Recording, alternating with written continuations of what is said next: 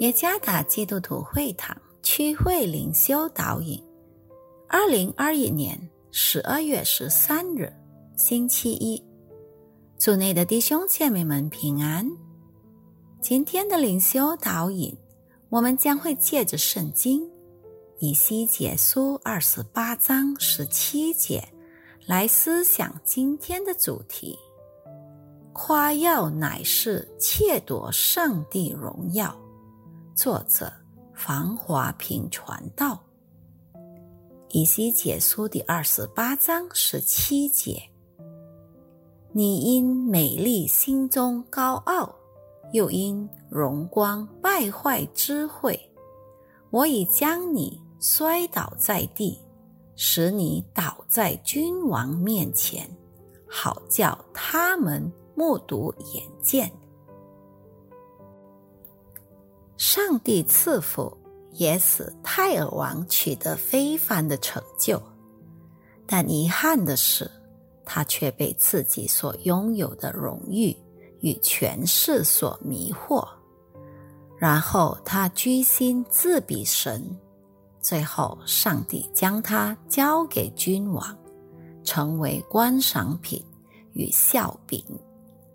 正如箴言十六章十八节所说的：“骄傲在败坏以先。”这就是发生在泰尔王身上的事。骄傲乃是窃夺本应属于上帝的荣耀。骄傲就是过分的自我夸耀。我们在这个世界上所做的一切，唯有上帝的许可。与此意方能成事，因此我们应当只把荣耀归于上帝。